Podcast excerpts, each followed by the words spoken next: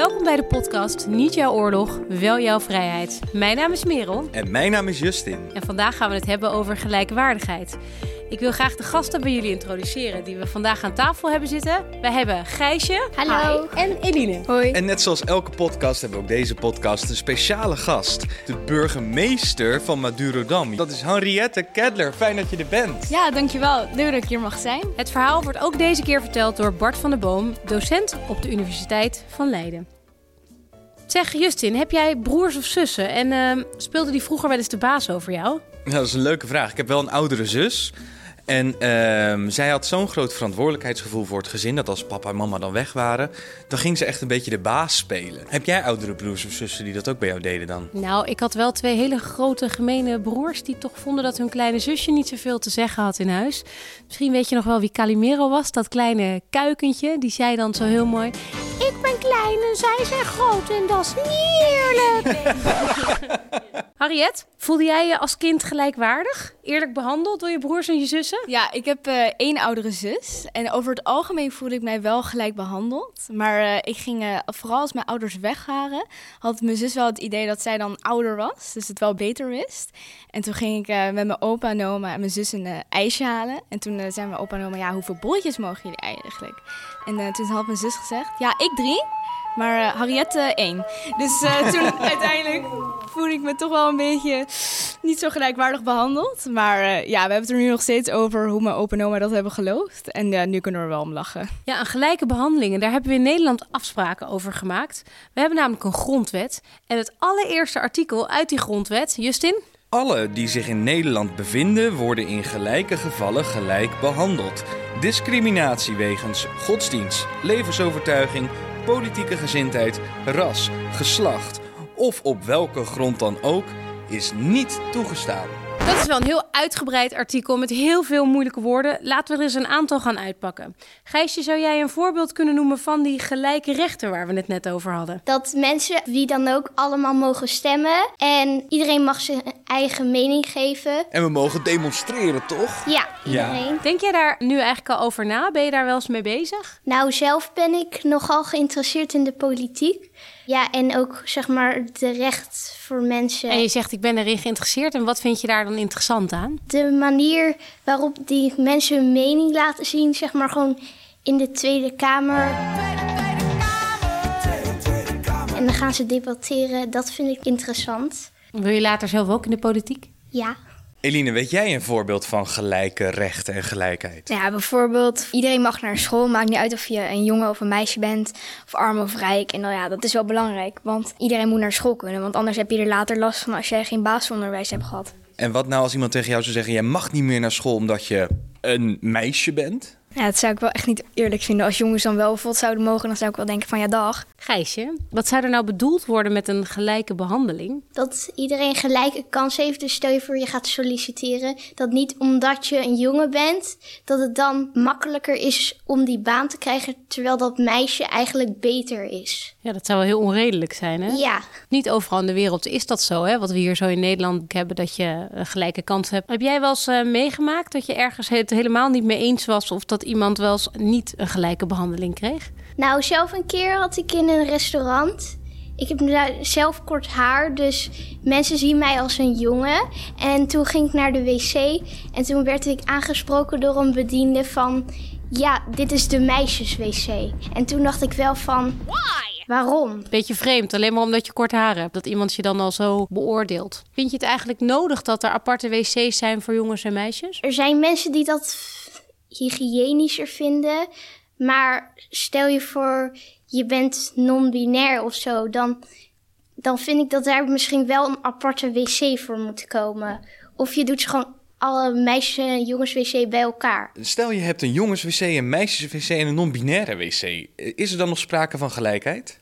Nou ja, dan ga je juist in hokjes denken volgens mij. Eline, zijn alle mensen ook gelijk? Nou, ik vind van wel, want je bepaalt niet waar je wordt geboren... of of je een jongen of een meisje bent of wat voor huidskleur je hebt. Dus ik vind niet dat mensen dan al bevoorrecht moeten zijn... om hoe ze eruit zien of wie ze zijn.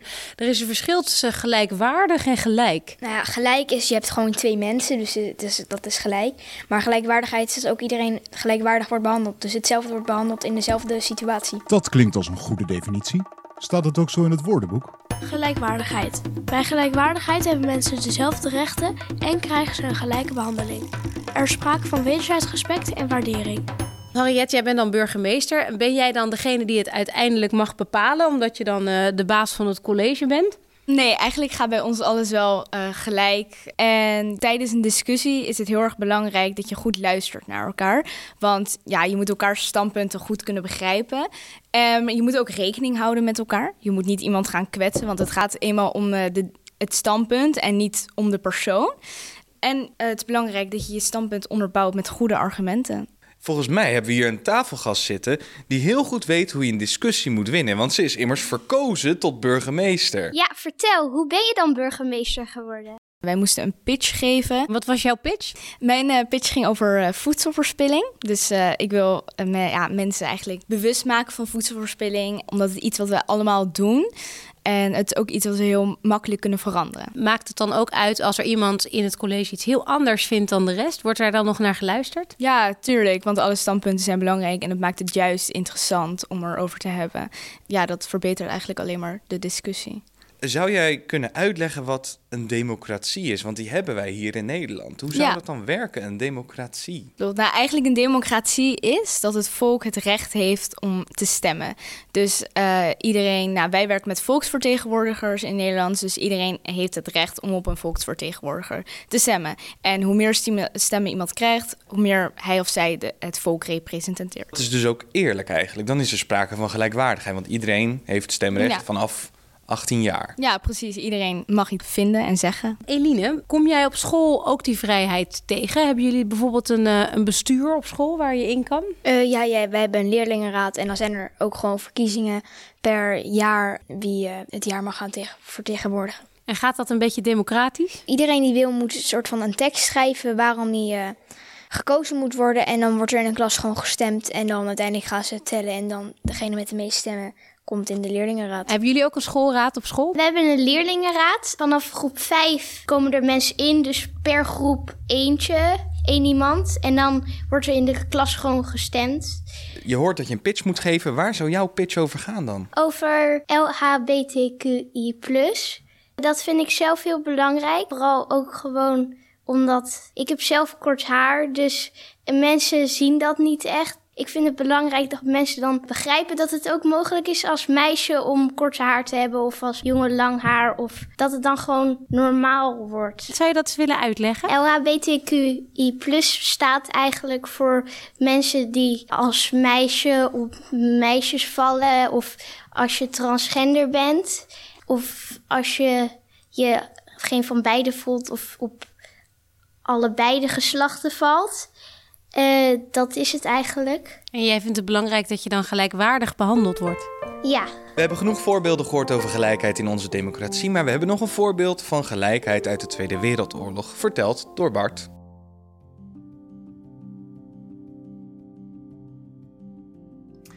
Jan Kruisinga was een notaris in Frieseveen. En Frieseveen is een klein dorpje in Twente. En Jan Kruisinga was daar een buitenbeentje. Hij was een heel geleerde man, hij had een hele brede belangstelling. Hij was ongelovig, hij geloofde niet in God. Hij maakte overal grappen over, terwijl Frieseveen verder vooral bestond uit zeer gelovige boeren. Toen hij eens een keer een veiling leidde van een stuk land en hij merkte dat er een fout in de stukken stond die hij aan het voorlezen was, toen vloekte hij hardop. En toen zei een van de boeren in de zaal: U mag niet vloeken, notaris. En toen zei Kruisinga: Nee, jij mag niet vloeken. Ik vind Kruisinga een grappige man.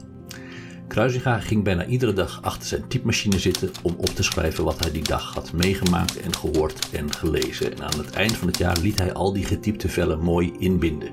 Dat deed hij al sinds hij in 1925 notaris was geworden en zo ontstond er een hele kast vol dagboeken.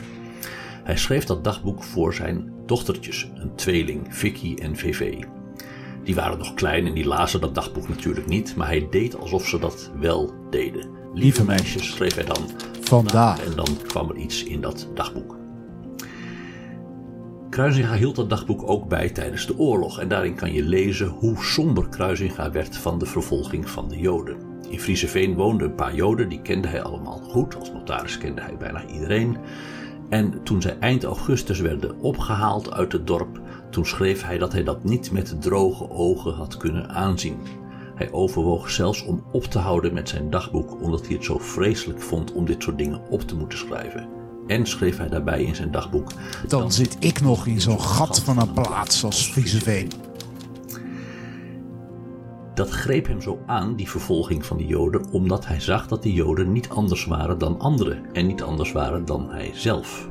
En dat de Joodse kinderen uit Frieseveen niet anders waren dan zijn eigen lieve dochtertjes. Vlak voor oudjaar 1942 schreef hij in zijn dagboek hoe idioot dit allemaal was. Het was Schreef hij een raar idee dat bijvoorbeeld Ina de Haas, die een paar jaar geleden op de verjaardag van jullie, lieve meisjes, bij ons kwam ganzen worden en limonade drinken, dat zij nu van schuur tot schuur moet vluchten voor haar leven. Terwijl haar vader en moeder een maand geleden zijn gearresteerd en nu met een onbekende bestemming uit het doorgangskamp Westerbork op transport zijn gesteld. Ja, dat is een heel raar idee. Vicky en VV, vluchtend van het ene donkere zolderkamertje naar het andere voor een organisatie van grote mensen met kampen en boeien en honger en kou en vuurpelotons en gedwongen arbeid tot hun beschikking. Dat is heel raar. Eline, voor jou de eerste vraag eigenlijk na het horen van dit verhaal. Begreep jij waarom de notaris zelf vond dat hij eigenlijk wel mocht vloeken? De andere mensen in die zaal waren volgens mij gelovig. Dus ik denk dat hij bedoelde dat volgens het geloof je niet mag vloeken. Alleen hij was ongelovig, dus hij vond dat hij zelf wel mocht vloeken. Dus ze waren wel gelijkwaardig, maar niet gelijk. Inderdaad. De gelijkwaardigheid van Ina, daar is in het begin van het verhaal en in het eind van het verhaal wel iets enorm veranderd. Zou jij dat kunnen uitleggen? Nou ja, aan het begin van het verhaal is het eh, dat het eh, het vriendinnetje is van zijn dochter. Alleen later gaat hij haar vergelijken als zij helemaal moet vluchten met zijn eigen dochters, want zij is Joods en zij moet onderduiken voor de Duitsers, want die maken jacht op haar. Terwijl hij denkt van, zij is niet anders dan mijn dochters. Dus daar wordt hij volgens mij ook wel een beetje verdrietig van. Ja, want eerst drinken ze samen limonade en spelen ze. En vervolgens moeten ze midden in de nacht van schuur naar schuur.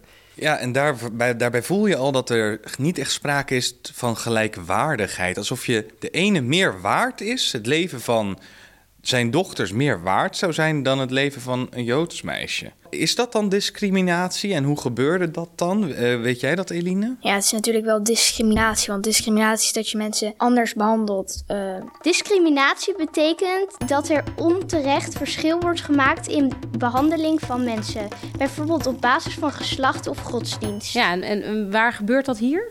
dat Joodse meisje wordt dus anders behandeld om haar geloof en om uh, hoe ze eruit ziet. Harriet, als we nu nog eens naar artikel 1 uit de grondwet kijken, dan is de wet op een hoop manieren geschonden bij dit verhaal. Klopt dat? Ja, absoluut. Bijna op elke manier mogelijk. Voorbeeld is natuurlijk dat de Joodse mensen super oneerlijk werden behandeld. Ze werden ongelijk behandeld en heftig gediscrimineerd. Dus ja, ik zou zeggen dat zeker de grondwet uit artikel 1 zeker is geschonden. Ja.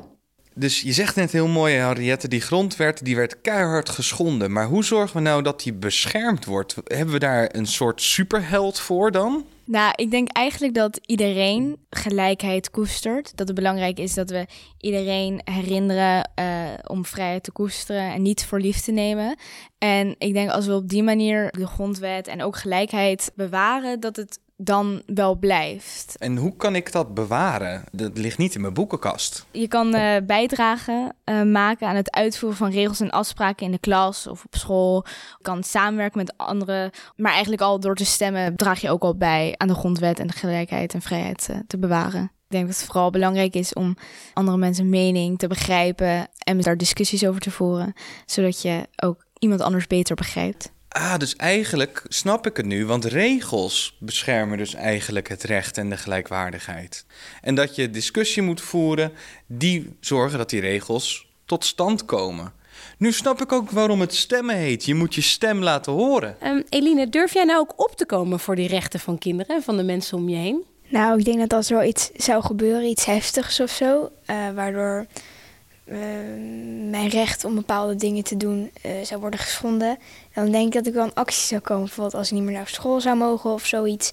Ja, dan zou ik wel een actie komen. Maar nu op dit moment is er daar niet echt voor mij een heel groot voorbeeld van. Eline en Gijsje, ja, ik heb nu natuurlijk heel veel verteld over wat ik doe als burgemeester. Maar hebben jullie nog tips of tops voor de luisteraars? Tips en tops van Eline en Gijsje. Stel eens een vraag in plaats van meteen je mening te geven. Probeer een ander te begrijpen, ook als je geen begrip hebt. Luister echt naar de ander. Als je een discussie voert, praat dan over het onderwerp en val niet de persoon aan als je het niet eens bent. En durf op te komen voor rechten van kinderen en de mensen om je heen. Henriette, heb jij nog een wijze raad die je aan iedereen zou willen meegeven? Ik denk dat het belangrijk is dat kinderen realiseren dat ze wel een mening hebben en die ook moeten geven, omdat ze echt verschil kunnen maken. En het is ook belangrijk wat zij te zeggen hebben. Ja, en ook vooral dat kinderen met elkaar leren samenwerken, ongeacht waar je vandaan komt, uh, wat je leeftijd is, wat voor een ouders je hebt. En ook is het vooral belangrijk dat kinderen met elkaar het gesprek aangaan en uh, samenwerken, uh, ongeacht waar ze vandaan komen of hoe ze eruit zien. Ik vind het mooi om zo met kinderen te praten over stemmen democratie en gelijkwaardigheid. Dan zijn we aan het einde van deze podcast. En dan bedanken we natuurlijk de gasten, toch Merel? Dankjewel Gijsje, dankjewel Eline. En dankjewel Henriette, burgemeester van Madurodam. Het was erg inspirerend om naar je te luisteren. Heel erg leuk dat ik er mocht zijn. In de volgende podcast praten we met niemand minder dan Diewertje Blok over verdraagzaamheid. Ben jij er ook weer bij? Deze podcast wordt ontwikkeld voor de Nationale Kinderherdenking.